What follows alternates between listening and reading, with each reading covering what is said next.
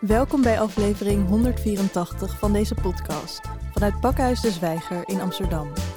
Mijn naam is Annick van Rinsum en vandaag spreek ik met fotograaf, filmmaker en visueel kunstenaar Tina Variste. Recentelijk verscheen haar debuutfilm Kitten of Vluchteling. Beste Tina, van harte welkom. Hoi, dankjewel voor de uitnodiging. Heel leuk dat je er bent. Je ziet jezelf in je rol als kunstenaar als iemand die dingen bevraagt. En je bent je ook doordrongen van het feit dat we maar kort op deze wereld zijn. En je houdt je bezig met de vraag hoe je dan kan leven en op welke manier je leven kan inrichten. Ehm, wanneer is die fascinatie bij jou begonnen? Ja, ik denk uh, best wel vroeg. Toen ik klein was eigenlijk al. Uh, er zijn veel dingen die je eigenlijk als kind al niet, niet snapt. En je denkt dat andere mensen het dan wel snappen, omdat ze ouder zijn of wijzer zijn. En langzamerhand kom je achter dat eigenlijk niemand het weet. Dus dat je het zelf maar moet onderzoeken. En natuurlijk kan je veel leren van de ervaring van andere mensen, van wetenschap, van filosofie, van kunst. Uh, maar ja, het is ook een onderzoek wat je voor jezelf moet doen en ook steeds meer achterkomt van ja, wat voor jou belangrijk is en waar jij je tijd en energie en talent aan wil besteden. Dus eigenlijk heel vroeg al. Dat je als kind, uh, wanneer besefte je dat dus de volwassenen misschien niet echt de waarheid in pacht hadden? Ja, het is, uh, ik ben geboren in Iran in een totalitair uh, religieus regime. Ehm, en daar zijn gewoon zoveel dingen die niet kloppen. Die als kind ook denk van, ja, what the fuck. En, en um, dus eigenlijk al heel snel sinds dat ik me kan herinneren, eigenlijk. Dus uh, ja, bestaat geloof, weet je. Uh, daar is, in, die vraag mag je in Iran eigenlijk niet hardop stellen. Zeker in de tijd dat ik daar woonde en klein was. Dan doet iedereen alsof dat een feit is. En ik heb me altijd wel afgevraagd, maar is dat wel zo? En hoe weten we dat zo zeker? En geloof ik daar wel in? En wat betekent dat voor mij? En als, we, als dat wel bestaat, waarom doen we dan zo raar? Doen we zo wreed naar elkaar? Doen we zoveel dingen in de naam van geloof die eigenlijk helemaal niet corresponderen met waar het voor staat? Dus die inconsequenties ja, zag ik natuurlijk overal om me heen. Stelde je dan die vragen of voelde je wel dat je die vragen niet mocht stellen? Nou, het is heel gek, want als je in Iran opgegroeid bent, leer je heel snel dat je dat soort dingen niet overal kan zeggen. En dat is eigenlijk heel raar.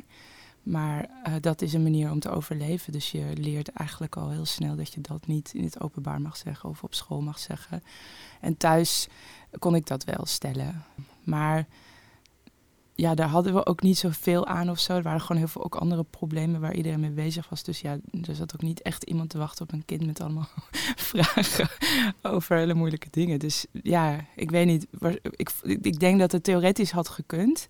Want ik heb best wel open-minded ouders en ook uh, de familie waar ik in ben opgegroeid aan mijn moeders kant.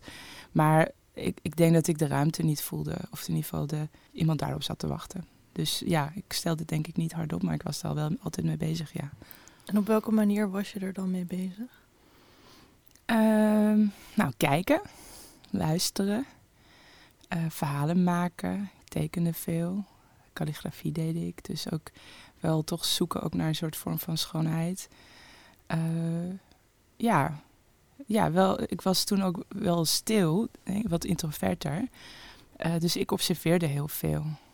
Uh, ja, ik, ja, het was niet dat een soort. Ik was ook jong. Um, dus het is niet dat een soort duidelijke vorm meteen had. Maar ik was daar wel. Ik bedoel, ik zag bijvoorbeeld allemaal propagandabeelden op straat. En dat is, die, die zijn heel mooi, eigenlijk heel mooi gemaakt. Maar het is natuurlijk ook absurd. Want die mensen zijn heel vaak zijn de beelden van martelaars. Die dan dood zijn. Dus dan.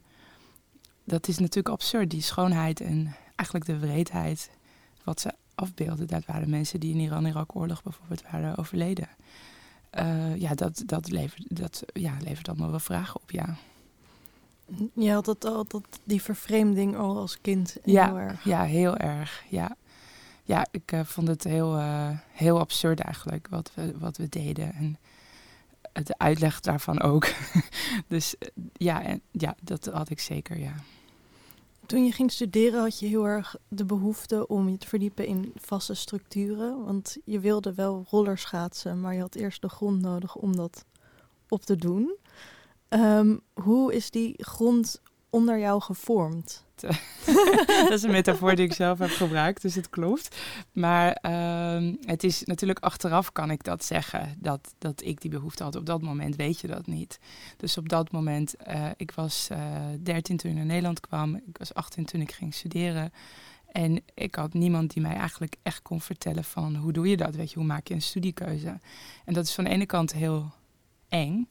Maar aan de andere kant ook heel leuk. Want je gaat er gewoon echt soort heel open in. Zonder allemaal stemmen die zeggen wat je moet doen. Maar ook allemaal referenties die heel veel andere kinderen wel hadden. Omdat ze natuurlijk hun ouders hadden gestudeerd. En ook um, ik, mijn ouders hadden ook gestudeerd, maar in Iran, dus niet in Nederland.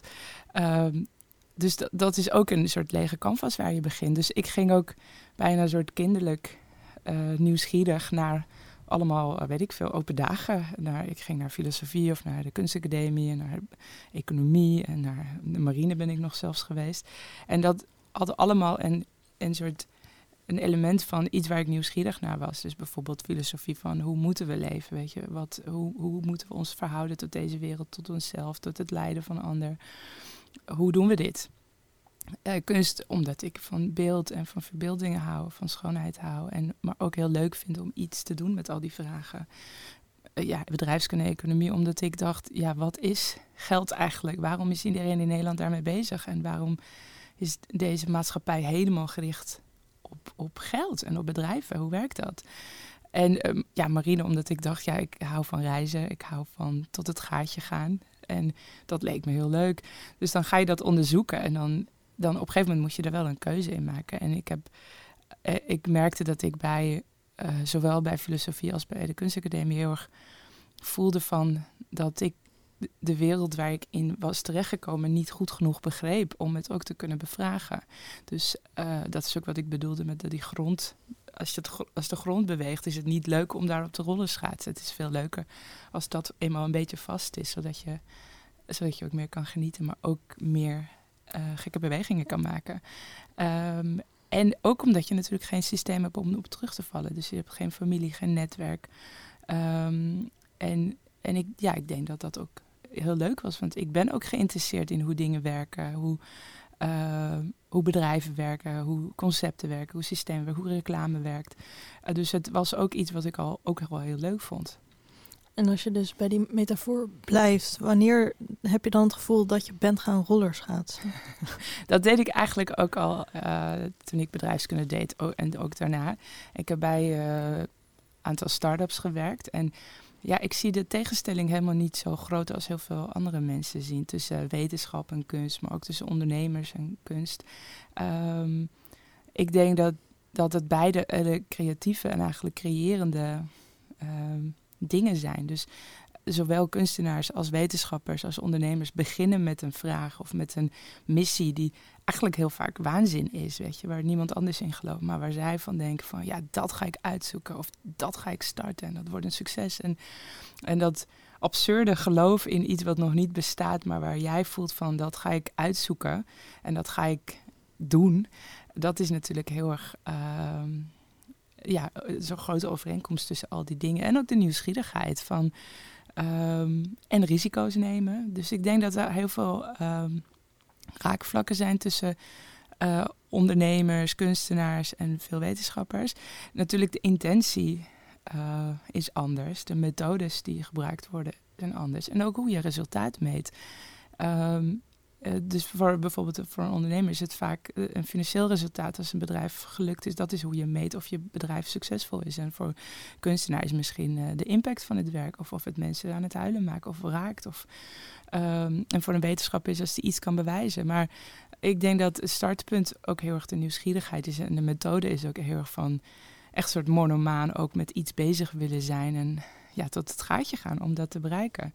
Maar ik denk wel dat ik uh, na een paar jaar uh, gewerkt heb in het bedrijfsleven, um, dacht ik van ik vind het weer leuk om weer van scratch te beginnen. Met, weer met zo'n lege canvas waar je het weer niet weet. Waar je um, ook alles waar je tot nu toe van uitging dat je wist hoe het zat, dat, dat, weer, dat je er opnieuw naar moest kijken. Um, en ik had best wel lang het idee om naar het niets toe te gaan. En ik had gehoord dat in Mongolië niets was.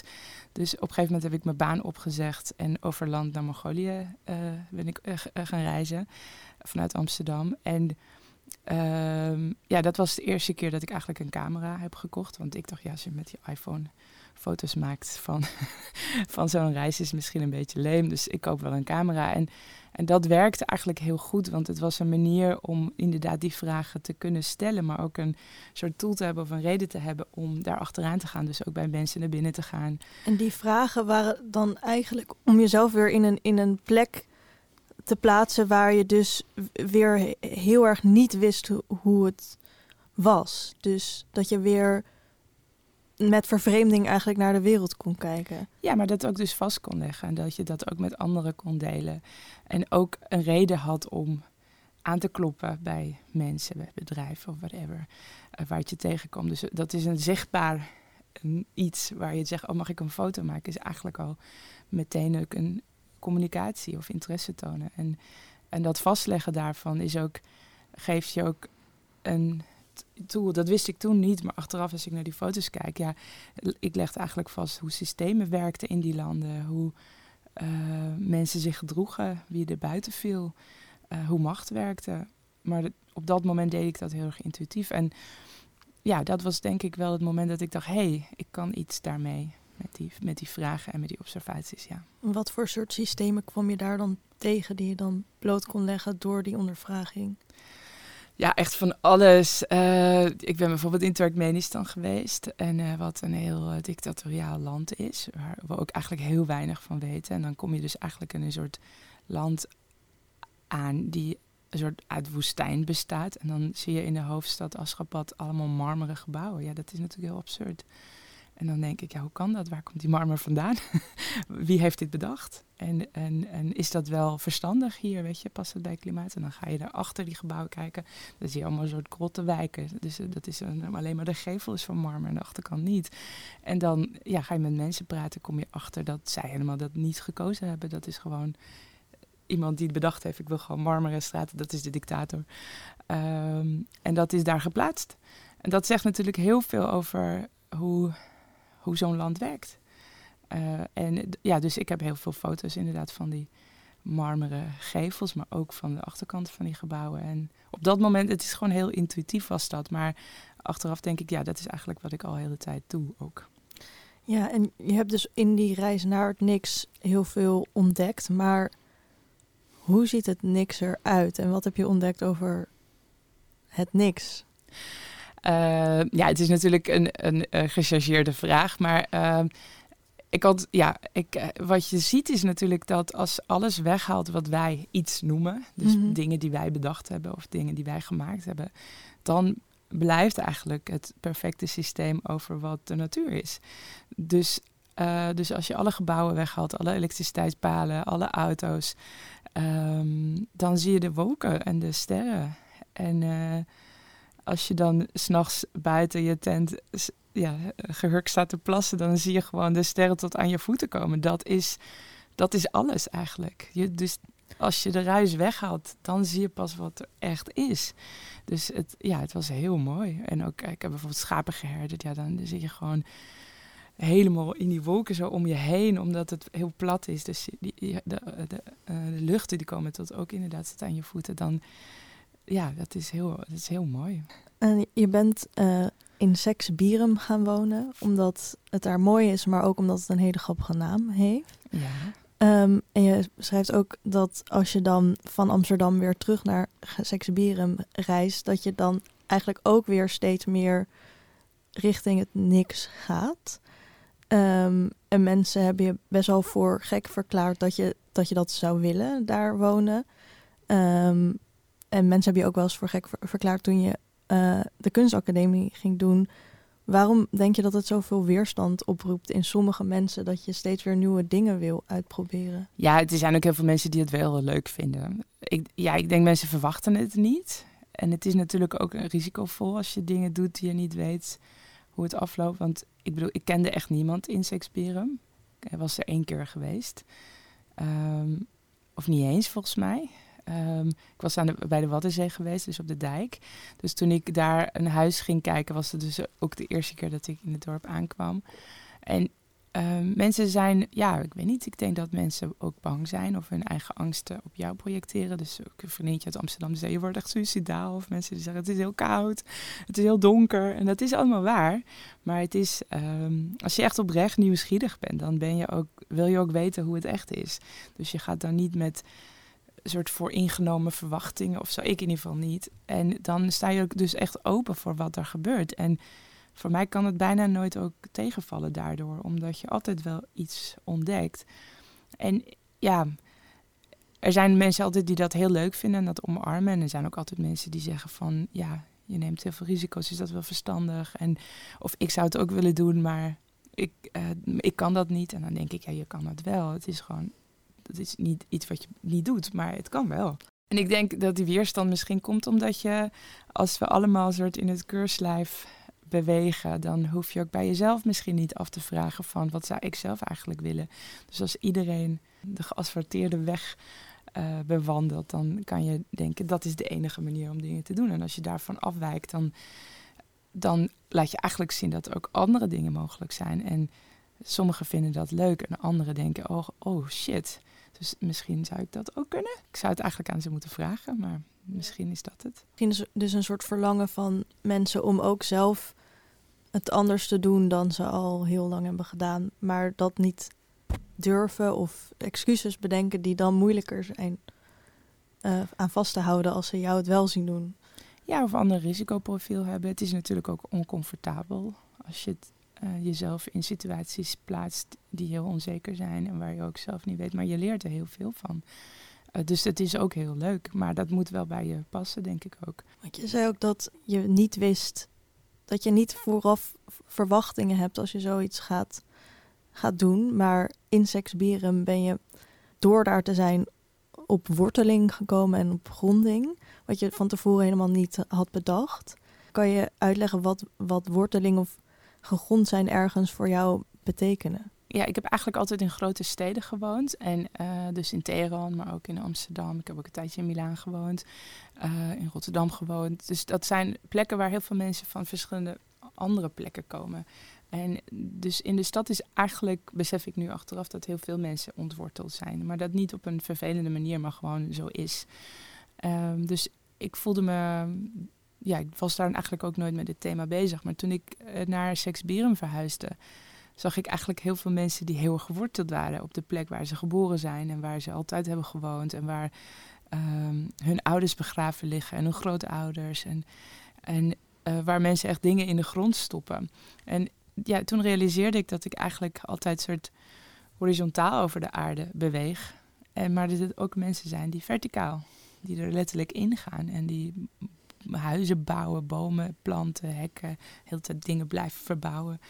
Uh, en daar zijn ook heel veel boeren die dus echt letterlijk hele directe band met de aarde hebben.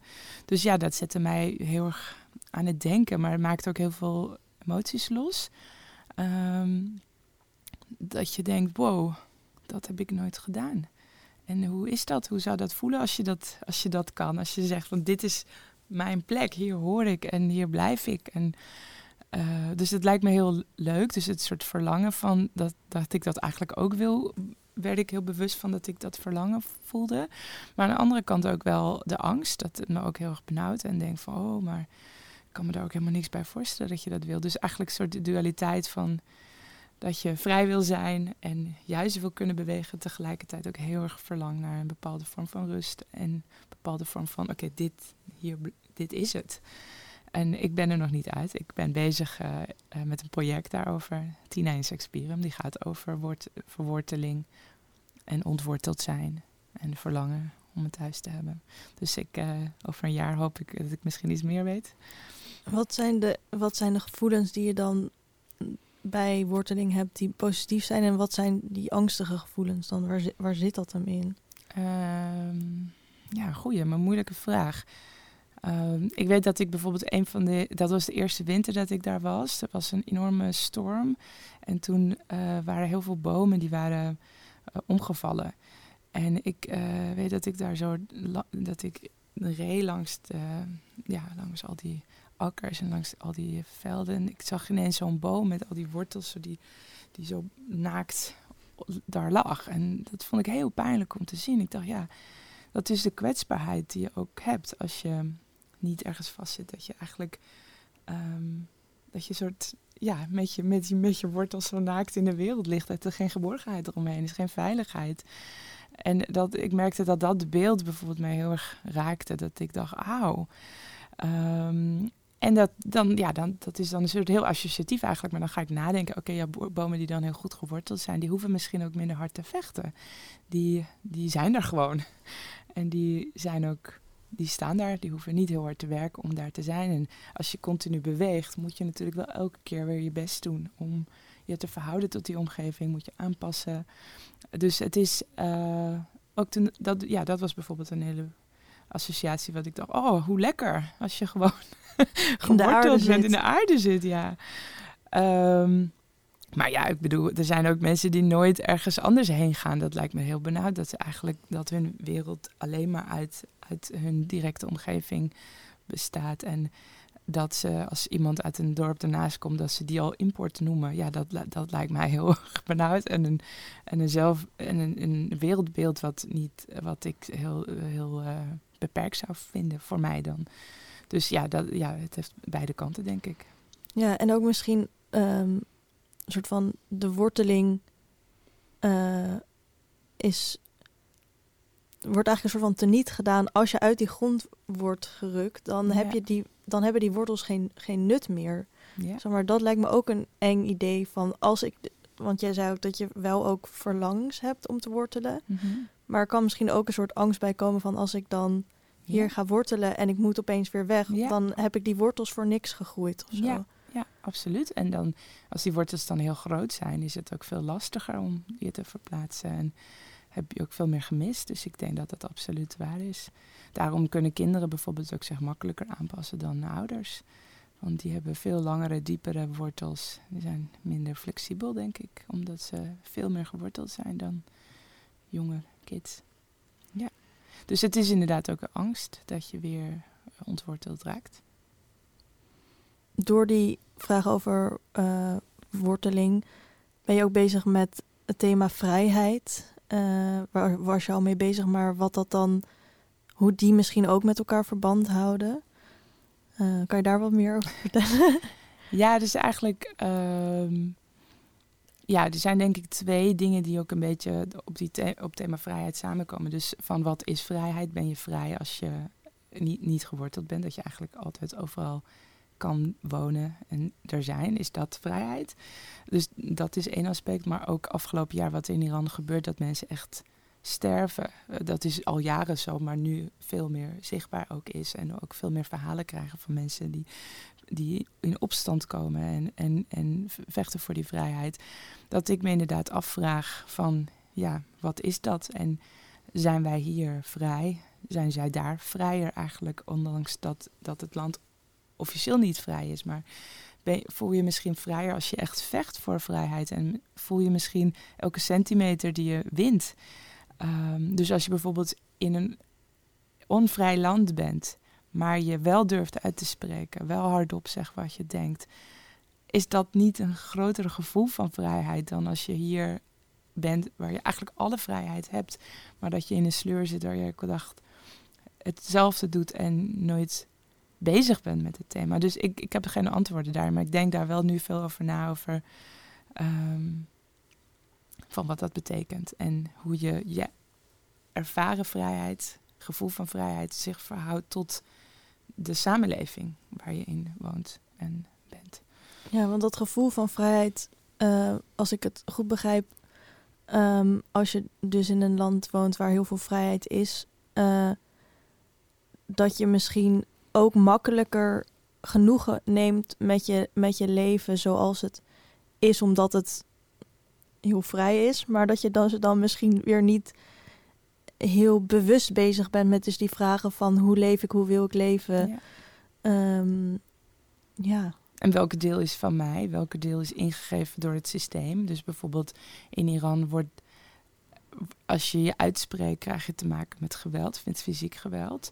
Dus ze dwingen je om een bepaalde manier te gedragen en na te denken. Maar in Nederland worden ook dat is natuurlijk totaal onvergelijkbaar, de, de, de, schaal en ook de mate van geweld. Maar we zijn natuurlijk ook in een systeem waar we niet makkelijk ook uit kunnen. Dus we zitten in een kapitalistisch systeem. We hebben te maken met media en met reclame. Die beïnvloeden ook ons gedrag. Uh, maar het is wat zachter, want we, willen het ook of zo. Dus als wij bijvoorbeeld reclame zien, dan vinden we ook, willen we ook die spullen. Dus je, hebt, je hoeft eigenlijk geen geweld bij te gebruiken. We kopen het gewoon. We gedragen ons volgens het systeem. Uh, omdat het ook meer inspeelt op onze eigen verlangens en zwakheden. Um, en in Iran gaat het heel erg tegen je autonomie in, waardoor mensen ook in opstand komen. Dus ja, die moet je wat. Daar gebruiken ze veel meer geweld om dat af te dwingen. En nogmaals, het is totaal een rare vergelijking, omdat het systeem heel anders is. En in Nederland heb je heel veel meer, meer vrijheden. Maar of je ultimate vrij bent, ja, dat, denk ik niet. Ja, misschien ook is het niet per se nodig om die vergelijking te maken. Maar als we gewoon puur naar uh, Nederland kijken en naar vrijheid. Hoe vrij zijn we? Want we zitten ook in een systeem. Er zijn heel veel uh, dingen die, die op een bepaalde manier gaan waar individuen volgens mij vaak een andere uh, wat anders zouden willen, maar totaal niet de mogelijkheid hebben om dat grote systeem te veranderen. Dus, ja. dus misschien is het wel een interessante vraag om dus af te vragen hoe vrij zijn we eigenlijk. Ja. Bijvoorbeeld toen ik op reis ging, gingen heel veel mensen zeggen van ja, dat zou ik ook wel willen. Dan denk ik, ja, doe het. Ja, maar ik heb hypotheek en de school van de kinderen en dit en dat. Dus mensen bouwen ook die onvrijheden in. Natuurlijk omdat het ook comfortabel is, maar ja, dan dat is een soort vrijwillige uh, onvrijheid die we, die, waar we voor kiezen. Heb je al ideeën hoe je dit verder wil onderzoeken? Um, ja, ik, ik heb uh, net een film uitgebracht, Kitten op Vluchteling, uh, samen met uh, Prospector en VPRO. En dat is dus net een soort van in de wereld. En ik ben nu heel veel nog daarmee bezig, ook met vertoningen en nagesprekken. Um, en ja, zo, ja ik, ik, hoop dat ik vanaf november wat meer ook, en ook wat langer achter elkaar in kan zijn om weer ja, echt dat weer te voelen en daar met, het, met Tina en Shakespeare bezig te zijn. En dat is een project wat heel persoonlijk is, maar ook een proces wat ik niet helemaal kan forceren of plannen of zo. Het is heel erg van daar zijn, dingen voelen, gesprekken met mensen. Uh, ik fotografeer daar veel, uh, film ook een beetje. Uh, en dan kijk ik naar die beelden en zeg ik, wat, wat ben ik eigenlijk aan het doen? Wat zeggen ze? Wat leg ik vast? En waar doet het pijn? Waar vind ik het? Waar biedt het troost? En eigenlijk zo op een organische manier hoop ik het te ontwikkelen. En ik schrijf korte verhaaltjes. Um, dat is voor mij nieuw. Maar het is, zijn eigenlijk ook die observaties waar we het ook eerder over hadden. Dat je denkt, hé, hey, wat gek die boom. Waarom vind ik het heel pijnlijk beeld? En hoe komt dat? En dan en brengen heel veel herinneringen naar boven. Ook de, soort de natuur en de nostalgie die ik daar ervaar. En de vragen van, ja, wat is de invloed op landschap, op, uh, op je thuis voelen? Weet je, kan je als je in een land bent geboren waar bergen zijn, waar, uh, waar je vier echte seizoenen hebt met, met echt hele andere klimaat, uh, waar je rotsen hebt, kan je ooit wortelen in een land wat zo nat en plat en kleiig is, uh, omringd door water? Weet je, kan dat? En, en hoe, hoe werkt dat? Uh, dus het is ook heel erg kijken en voelen. En uh, heel anders dan het proces van de film wat ik nu heb gemaakt, wat veel meer ook met mediabeelden zijn, heel veel observaties, heel veel. Ja, dat is een heel ander proces. Dus ik weet het ook niet, maar dat is leuk. Ja, precies. En, en je noemt nu al een aantal vragen over die kleiige grond, of je daar uh, kan wortelen. Heb je daar al een paar ideeën, spinsels uitgehaald verder dan die vraag alleen? Of is het, is het, is het echt een vissen? ik, ik weet het niet. Het is, ja, ik uh, ben gewend aan de natheid, dus uh, ja, ik dacht ja. ik sla mijn hengel uit.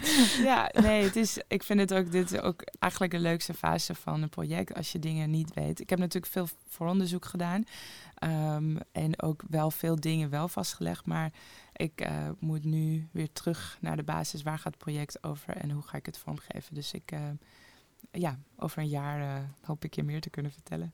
Ja, ik vind het ook wel interessant het, het proces van bezig zijn met, met vragen op een kunstmanier. Mm -hmm. um, dat, in, dat het dus veel vrijheid laat om dus niet van tevoren dingen te, te bedenken van ik ga, dit is mijn vraag en ik ga het op deze gestructureerde manier uitzoeken. Maar meer, dit is een beetje mijn thema of daar hangen wat vragen onder. En dan eigenlijk meer in, in dat proces pas, uh, misschien soms, soms zelfs inderdaad achteraf pas snappen hoe je er tot die antwoorden komt. Ja, ik denk dat dat wel heel erg afhankelijk is van wat voor soort maker je bent.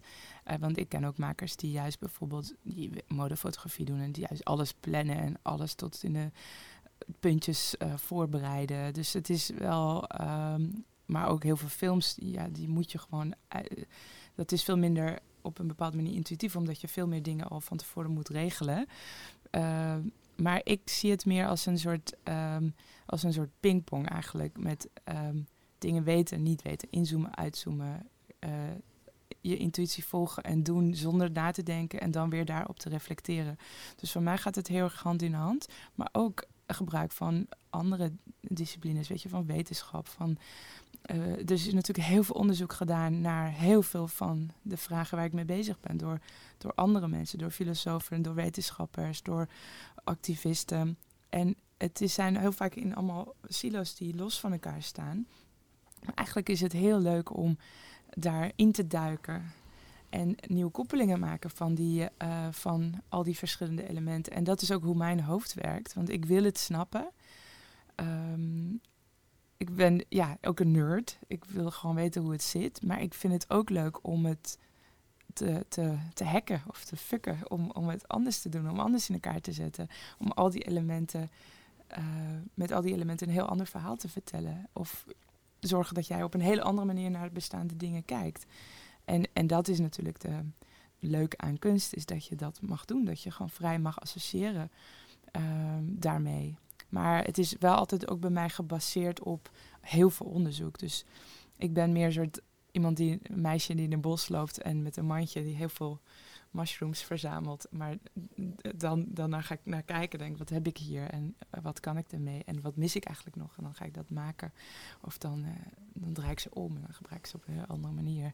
Maar dat verzamelen dat uh, van kennis, van inspiratie, van de wereld kijken, naar mezelf, naar, naar anderen, dat is wel een soort continu proces, ja. Want je hebt ook aangegeven dat er best wel veel wetenschappers zijn die zich bezighouden met empathie en hoe dat heel erg discriminerend werkt eigenlijk. Mm -hmm, dat, ja. dat we heel veel empathie hebben voor een, een, bepaalde groep en voor een andere groep minder. Dat die ook hebben gezegd dat uh, jouw film Kitten of Vluchteling diezelfde onder, datzelfde onderwerp behandelt, uh, heel veel toegevoegde waarde heeft. Um, en denk je, wat denk je dat precies die, die toegevoegde waarde is van dat onderwerp uh, in de vorm van een film uh, onderzoeken? Ja, ik denk niet dat het alleen komt door de film, maar ook de manier hoe je de film hebt gemaakt. Want je kan ook een hele droge film maken en die kennis uh, weergeven op een hele registratieve manier, bijvoorbeeld. Wat natuurlijk ook kan en ook goed is, want alles is goed. Uh, maar dat is niet iets wat ik wil doen. Wat ik interessant vind is om mensen zowel cognitief als emotioneel te raken. Omdat ik geloof dat die combinatie werkt. Zo werk ik zelf ook je wil geprikkeld worden uh, in je hersenen. Je wil gewoon nieuwe dingen leren. Je, wil nieuwe connecties maken, maar je wil ook iets voelen. En ik denk dat als je die twee dingen bij elkaar brengt, dat, dat we echte impact bij, uh, bij elkaar ook teweeg kunnen brengen. Dus als je alleen maar puur op die emoties speelt, ja, dat is heel plat. En dat is ook heel kortstondig, want zodra die emotie voorbij is, dan ben jij eigenlijk niet veranderd als mens. Maar als je dat combineert ook met dingen die je geestelijk prikkelen en aan het denken zetten. Ja, dat, ik geloof dat dat, dat vind ik interessant. Want dan ga je op een andere manier kijken, nadenken. En, en ik denk wat de film, um, wat ik ook met de film wilde laten zien, is ook aan mijn eigen kortsluiting. Dat ik ook niet snap, niet snapte hoe het is, waarom we ons zo gedragen. Dus ik geef daarin wat handvaten in om het om het beter te begrijpen en te kunnen reflecteren. Maar wat ik eigenlijk het grootste compliment vind, is dat mensen zeggen: het gaat over mij. En niet één soort mens. Eigenlijk iedereen die het kijkt, die voelt zich aangesproken. En ik denk, ja, dat is natuurlijk fantastisch. Dat iedereen iets eruit haalt wat u denkt, hé, hey, verrek, dat doe ik ook. Of wat zou ik dan doen in die situatie? Of zo voel ik me eigenlijk ook. En dat is een vraag die ik eigenlijk ook heb, maar niet hardop durf te stellen. Uh, dus ja, dat, dat vind ik daar heel leuk aan. Uh, en dat is omdat ik ook verschillende dingen met elkaar combineer, denk ik. Ja, je zei ook dat, dat je dat rationele en dat emotionele uh, um, beide wil doen. Maar je hebt ook wel eens gezegd dat je voor jou de mensheid zowel mooi als lelijk is. Um, heb je vaak het gevoel dat je die twee dingen uh, tegelijkertijd kan inzien? Of is het meer iets wat switcht? Uh, hoe, hoe werkt dat voor jou? Ja, ik denk allebei. Uh, ja, soms uh, niet. Soms zie je alleen maar één kant.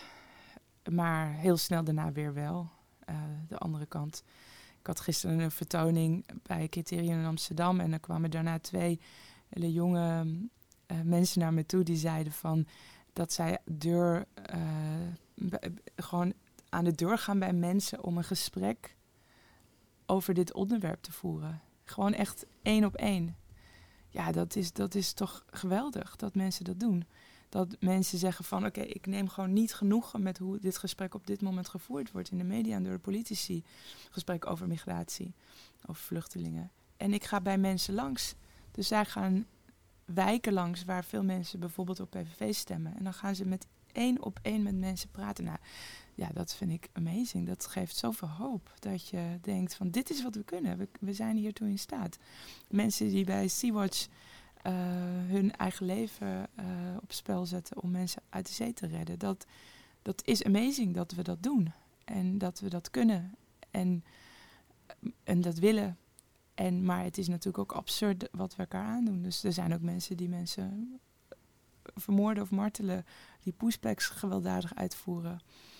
En dat is natuurlijk afschuwelijk. Dus het bestaat naast elkaar. En soms zie je één kant, soms de andere kant. Maar uiteindelijk, elke keer als je weer uitzoomt, dan zie je het beide. En ik denk ook in mijn werk vind ik het heel belangrijk om het uh, wel. Ik gebruik ook die schoonheid vaak om, de, om je te lokken omdat mensen gewoon ook naar mooie dingen willen kijken. Ik ook. Kittens in dit geval ja, van de films bijvoorbeeld, maar ook in de flat uh, hele mooie uh, beelden van de zee. Dat is wat we. En toch via die weg probeer ik je ook de kant te laten zien wat niet zo mooi is.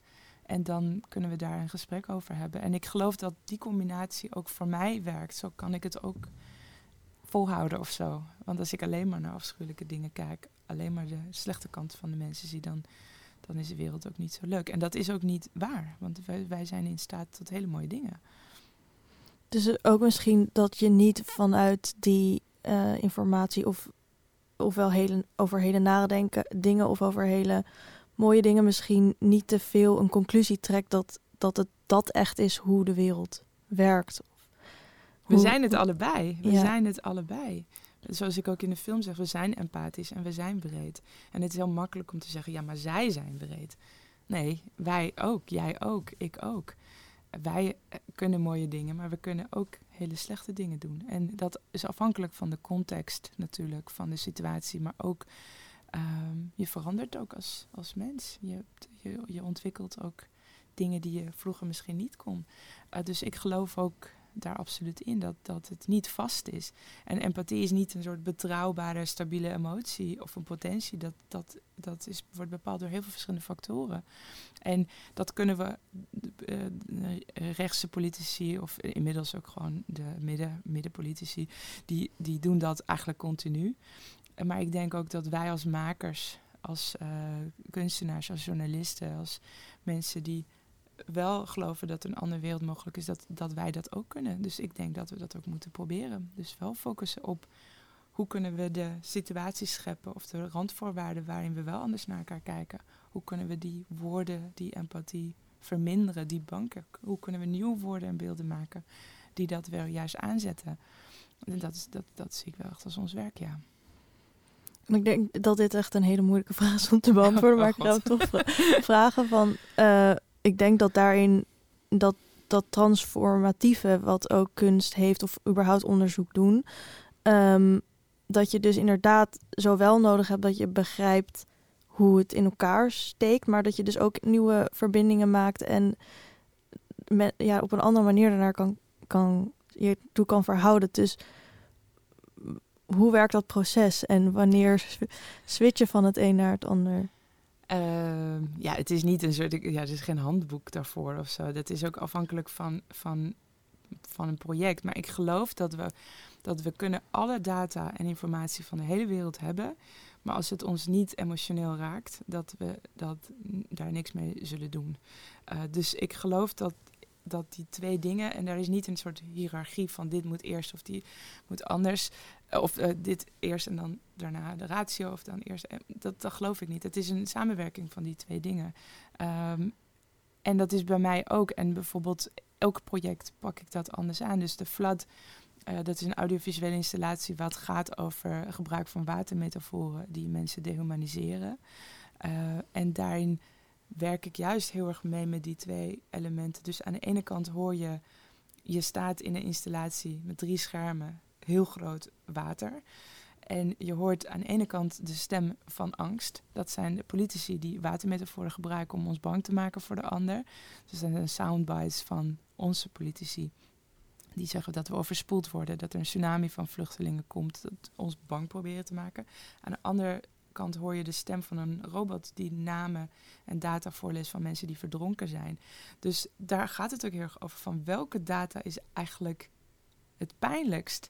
En die brengen we op een hele zakelijke, bijna emotieloze, totaal emotieloze manier. En de dingen die eigenlijk um, op die angst inspelen, brengen we met heel veel emotie. Hoe werkt dat?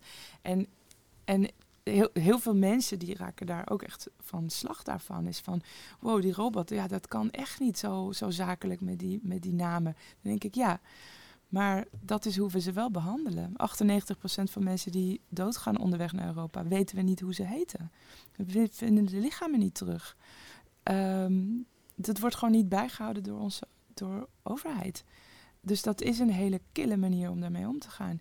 Maar dat is goed dat het opvalt. Weet je, daar gaat het over. Van hoe ga je ook met die emotie, met die ratio, met die cijfers om?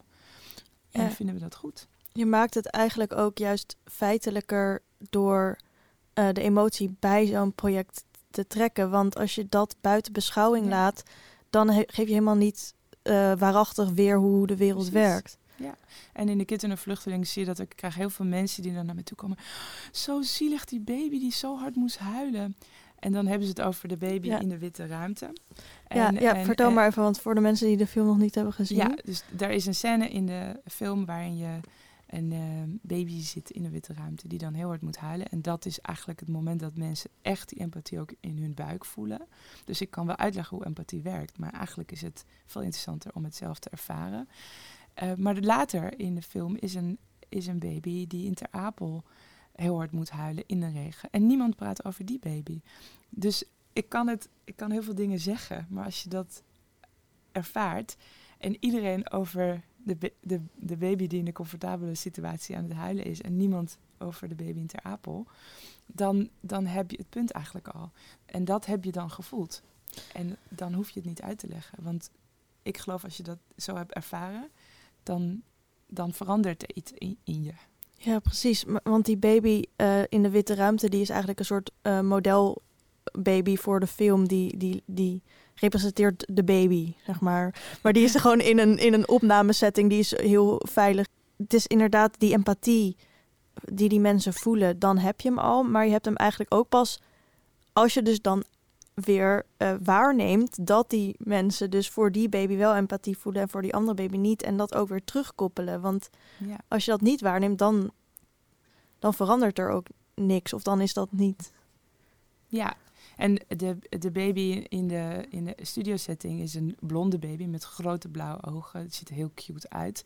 Dus dat is ook wat heel veel empathie aanwakkert. En baby in Ter Apel is met een poncho in de regen uh, je ziet uh, gezicht niet, maar die moet, die moet echt huilen, omdat, omdat ze al heel lang buiten staat en koud en honger heeft. Um, dus dat, dat laat ook eigenlijk zien van dat we, dat we vallen voor die cuteness, maar eigenlijk niet voor de feiten, voor, voor wie is nou in een ergere situatie. En, en, ja, en daarmee. Um, dus het is niet dat, dat de mensen dat voelen, dat voel jij ook. Dat voel ik ook als ik dat zie. Dus het gaat over ons. En het laat zien hoe we werken. En dat is eigenlijk een beginpunt, want daarna kunnen we bepalen, oké, maar wat vinden we hiervan? Dat, dat die empathie zo bespeelbaar is, zo subjectief is, zo contextafhankelijk is. Afhankelijk is of iemand cute uitziet of ehm, afhankelijk van de kleur. En dan kunnen we ook een gesprek hebben over hoe kunnen we dat voorkomen. Maar als je dat niet voelt, als je denkt dat het over iemand anders gaat en niet over jou, dan is dat ook moeilijker. Dan krijg je ook veel meer weerstand. En dat is wat ik heel tof vind aan de, aan de film, dat mensen zeggen, oh dat had ik ook. Dus dat je voelt, ik, ik ben dit ook. En heb je dan wel eens teruggekoppeld aan mensen die dus empathie hebben voor die baby, dat er ook een andere baby was waar ze dat niet voor hebben gevoeld? Of ja, nu. maar, niet, natuurlijk in gesprekken. Ja, natuurlijk wel. Maar het is, ik denk dat mensen dat zelf uh, ook wel voelen dat daar wel ook iets geks aan is. Maar misschien was het ze niet eens opgevallen, ja, toch? Ja. Want reageren ze dan geschrokken als je dat ja. vertelt? Dan denken ze, oh ja, verrek, ja, je hebt gelijk. Daar zat ook een andere baby in. Die, die kwam minder, ja, dat onthouden ze minder. Of het is in ieder geval minder dat je dat in je buik voelt. Ja. En als je dus dan nadenkt over hoe we hierin kunnen transformeren, wat zijn dan ideeën die je daarover hebt? Ja, er zijn heel veel verschillende manieren. En ik denk dat voor iedereen de vraag is van wat, wat kan jij doen, waar kan je aan bijdragen? Um, ik ga door met mijn onderzoek hiernaar. Ik ga dingen blijven maken die, uh, ja, waar ik nieuwsgierig naar ben, waar ik wil uitzoeken, maar wat ik ook met andere mensen wil delen en communiceren.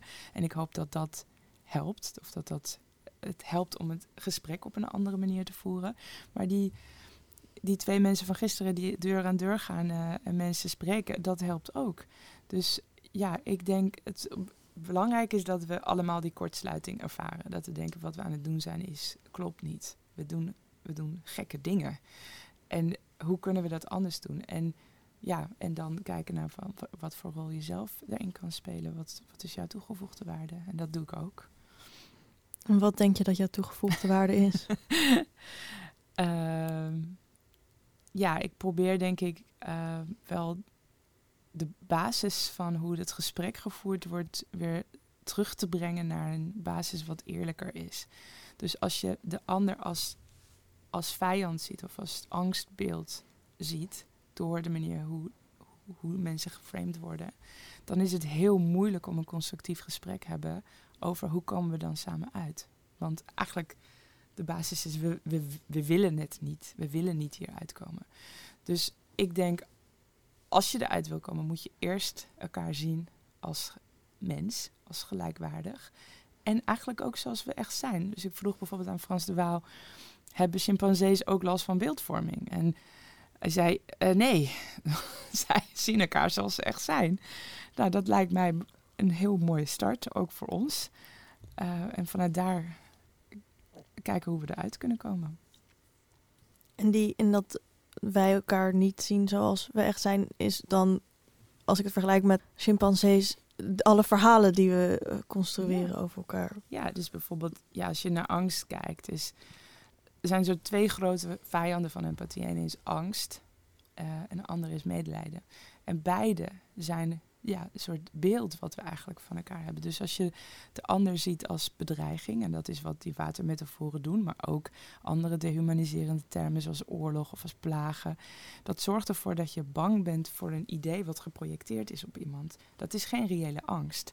Dus als je zegt wij worden overspoeld door vluchtelingen, de angst voor uh, overstroming is wel reëel, maar de angst dat mensen ons overspoelen is niet reëel. Um, terwijl als je kijkt naar de echte overstromingen die veroorzaakt worden door klimaatverandering, waar we eigenlijk bang voor zouden moeten zijn, dat voelen we dan niet, omdat dat geframed wordt als verandering en niet als crisis of een catastrofe. Dus um, zo wordt gespeeld met reële en irreële angsten in hoe wij dingen zien. En dat, dat bepaalt dus ook daadwerkelijk ons gedrag en hoe we met elkaar omgaan. Um, dus ja, ik denk dat dat een heel belangrijk beginpunt is dat we dingen zien zoals ze echt zijn. Dus iets zien als een gevaar, als het ook echt een gevaar is. Um, asielmigratie is niet de grootste bedreiging voor onze samenleving. Dat is een klein percentage van de totale migratie. En wij vergrijzen, we hebben mensen nodig. Uh, we graven hiermee ons eigen graf, hoe we dit nu aan het doen zijn. Dus het is niet echt een bedreiging. De echte bedreiging is klimaatcrisis, is vergrijzing. Er zijn heel veel uh, de, de, andere dictators die proberen met, uh, met leugens en fake news onze samenleving te beïnvloeden. Maar doordat we focussen op de irreële angst. Ik bedoel, het kabinet is gevallen op gezinshereniging. Dat is niet een reële angst voor onze samenleving. En niet op, uh, op klimaat en andere echte bedreigingen. Dus ja, wat, dat is wat ik bedoel met... we moeten eerst het zien zoals het is. Um, elkaar zien zoals we zijn. Echt zijn. En dan kunnen we een gesprek voeren over... oké, wat, wat hebben we? Hoe kunnen we, hoe kunnen we dit oplossen? Op een manier... We zijn een democratisch land. Dus op een manier die voor iedereen ook... Um, als samenleving waar we samen achter staan, uitkomen. Maar ja, als je dat niet ziet, dan heb je gewoon een heel scheef beeld van, van de realiteit. En dan is het ook heel lastig om goede keuzes te maken. Ja, ja en om dus die scheefheid wat meer recht te trekken, is dus bijvoorbeeld die, ja, die verhalen, maar ook die emoties uh, juist ook zien zoals ze nu zijn, zodat we daarop kunnen reflecteren. En wat je ook zei, is dat de maatschappij uh, verschillende disciplines heel verkokerd werken. En dat jij ook denkt dat er best wel veel uh, kan gebeuren als dat minder, uh, als we dat minder zouden doen. Nu ga je ook binnenkort met een NGO een inspiratiedag doen. Zeg maar, wat zijn jouw ideeën over um, hoe je dus jouw werk ook meer kan integreren in andere kokers, waar die verbinding misschien nog niet is? Ja, voor mij is het heel natuurlijk eigenlijk al in mijn proces. Dus ik spreek uh, met wetenschappers in mijn onderzoeksfase eigenlijk. Ik spreek met uh, ervaringsdeskundigen, met, met NGO's. Ik werk samen met heel veel verschillende partijen, maar ook met andere makers die al werk hebben gemaakt over hetzelfde onderwerp. Dus, en dan is het eigenlijk heel logisch dat je nadat het werk klaar is ook weer terugkomt um, naar elkaar en zegt: Dit is het kan ik jullie helpen nu, weet je? Kan jij hier iets mee? Um, dus ik zie dat eigenlijk als een soort doorlopend proces van... Ik maak die koppelingen tijdens het maken, tijdens, tijdens mijn onderzoek, maar ook natuurlijk als het werk af is. Dus um, ja, dan, dan is het ook heel zinvol voor mij ook om weer te leren hoe het functioneert in een bepaalde context. Dus hoe reageren mensen erop? Wat voor, uh, wat voor vragen zij, hebben zij? En wat voor ja, input hebben zij, wat ik dan weer kan gebruiken voor het vervolg. Dus ik zie het als een continu proces waarin je die koppelingen maakt en van elkaar dingen vraagt, maar ook dingen teruggeeft. Uh, en ik geloof dat we gewoon een aantal best wel grote problemen hebben waar we niet uit vanuit onze eigen disciplines uit kunnen komen. Dus we moeten samenwerken om, om, uh, om, ja, om echt verder te komen. Ja, je hebt dus het idee dat, dat er niet een vaste zingeving in het leven is. En je hebt ook gezegd dat over tien jaar je ook niet precies weet wat jouw zingeving gaat geven. Maar tot nu toe lukt het je aardig goed om wel zingeving te geven aan jouw leven. In ieder geval zo, zo lijkt het. Um, waar zit dat hem, denk je, in dat, je, dat dat je wel lukt? Oh, jeetje. Ja, ik denk sowieso om die vraag te blijven stellen. Dus dat je zelf uh, blijft vragen van wat vind ik echt belangrijk om te doen? Waar wil ik mijn tijd en energie uh, in steken? Um, accepteren dat je het niet weet, dus dat dat ook kan veranderen. Dat, dat, dat je ook verandert als mens, dat je ontwikkelt. Het is meer zoeken naar een richting, denk ik. En ook een soort updaten van wat je denkt dat je weet, maar of dat ook echt zo is. En of dat nog steeds zo is. Want wat ik uh, tien jaar geleden vond, is anders dan wat ik nu vind. Dus dat je dat niet aanneemt van dat je het weet, maar dat je dat, je dat blijft updaten, weet je. Van de wereld nu is ook anders dan toen ik in Nederland kwam. Toen was ik blij dat we, dat, dat we voor elkaar zorgden. En dat viel een soort zware last van onze schouders af. Van, oh, we hebben gewoon afspraken. We hebben een soort solidariteit die vastgelegd is in de wet, hoe we met elkaar omgaan, wat de bare minimum is, hoe we met elkaar omgaan, dan hoeven wij dat als individu niet doen. Wat we in Iran wel moesten doen, omdat de overheid dat niet deed. Dus ik voelde me toen helemaal niet aangesproken om hier werk over te maken. Want het was niet zo schrijnend. En je ziet dat nu dat steeds meer mensen ook actie gaan voeren. Um, omdat ze het niet meer aan kunnen zien omdat het niet de goede kant op gaat.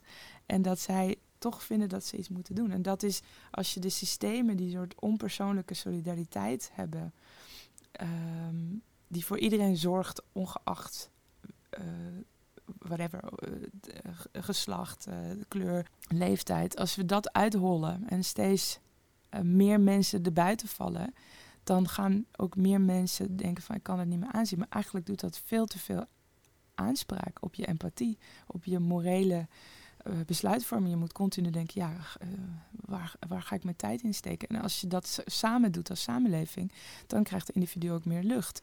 Dus de situatie verandert ook. En toen sliepen geen vluchtelingen buiten in Ter Apel in de regen. Uh, dus ik, ja, ik hoefde dat ook niet te doen. En nu bijvoorbeeld mensen die heel hard elke dag voor klimaatstrijd. Ik ben heel blij dat er mensen zijn die dat doen. Want als we allemaal iets doen, dan, dan komen we eruit. Maar als wij het als samenleving goed zouden regelen, onze leefomgeving niet zo zouden vervuilen, dan hoeven niet mensen op de, op de A12 gaan zitten. Dus het, het vraagt ook veel van individuen um, nu. Wat ja, toen minder was denk ik. Of in ieder geval, ik heb het zo ervaren. Tot slot, we hebben het al wel een beetje benoemd, maar welke onderzoekingen mogen we de komende tijd van je verwachten? Uh, ja, we hebben het al over uh, verworteling en ontworteling gehad. Uh, ik wil heel graag een empathiemachine bouwen. Um, en ehm, ik heb een fellowship gekregen van het Nederlands Filmfestival. Dus komend jaar ga ik onderzoek doen naar um, ja, of je een machine kan bouwen die empathie. Ja, eigenlijk een combinatie van empathie en woede kan aanwakkeren. Omdat ik steeds ook meer denk van aan empathie alleen. Um, ik weet niet of dat genoeg is. Er moet ook iets zijn wat meer activeert en wat ook mensen iets van houvast geeft of tools geeft om iets te doen met, met die emotie. En dus ik wil een, een ik noem het de empathic rage machine bouwen. Maar het is een onderzoek, dus ik ga eerst me verdiepen hoe, hoe dat werkt en hoe de samen interactie tussen empathie en, uh, en woede is. Dus ik ben benieuwd zelf. Ik weet het weer niet, dus dat is heel leuk. Weet je al wanneer we die Empathic Rage Machine misschien mogen verwachten? Uh, nou, ik moet over een jaar, of in ieder geval dat is, de, dat is de, die fellowship, over een jaar tijdens, tijdens het Nederlands Filmfestival de resultaten presenteren. Dus ik hoop dat ik dan iets meer weet. Ik kijk er naar uit. Ja, leuk. Heel erg bedankt voor je komst. Dankjewel. Beste luisteraars, dit was aflevering 184 van deze podcast. Wil je meer weten? Kijk dan op dezwijger.nl slash agenda. Vind je het leuk wat we doen? Overweeg dan vriend te worden via dezwijger.nl slash word-vriend. Of abonneer je op deze podcast via Spotify, Soundcloud, Apple Podcast of een ander podcastplatform. Bedankt voor het luisteren en tot de volgende keer.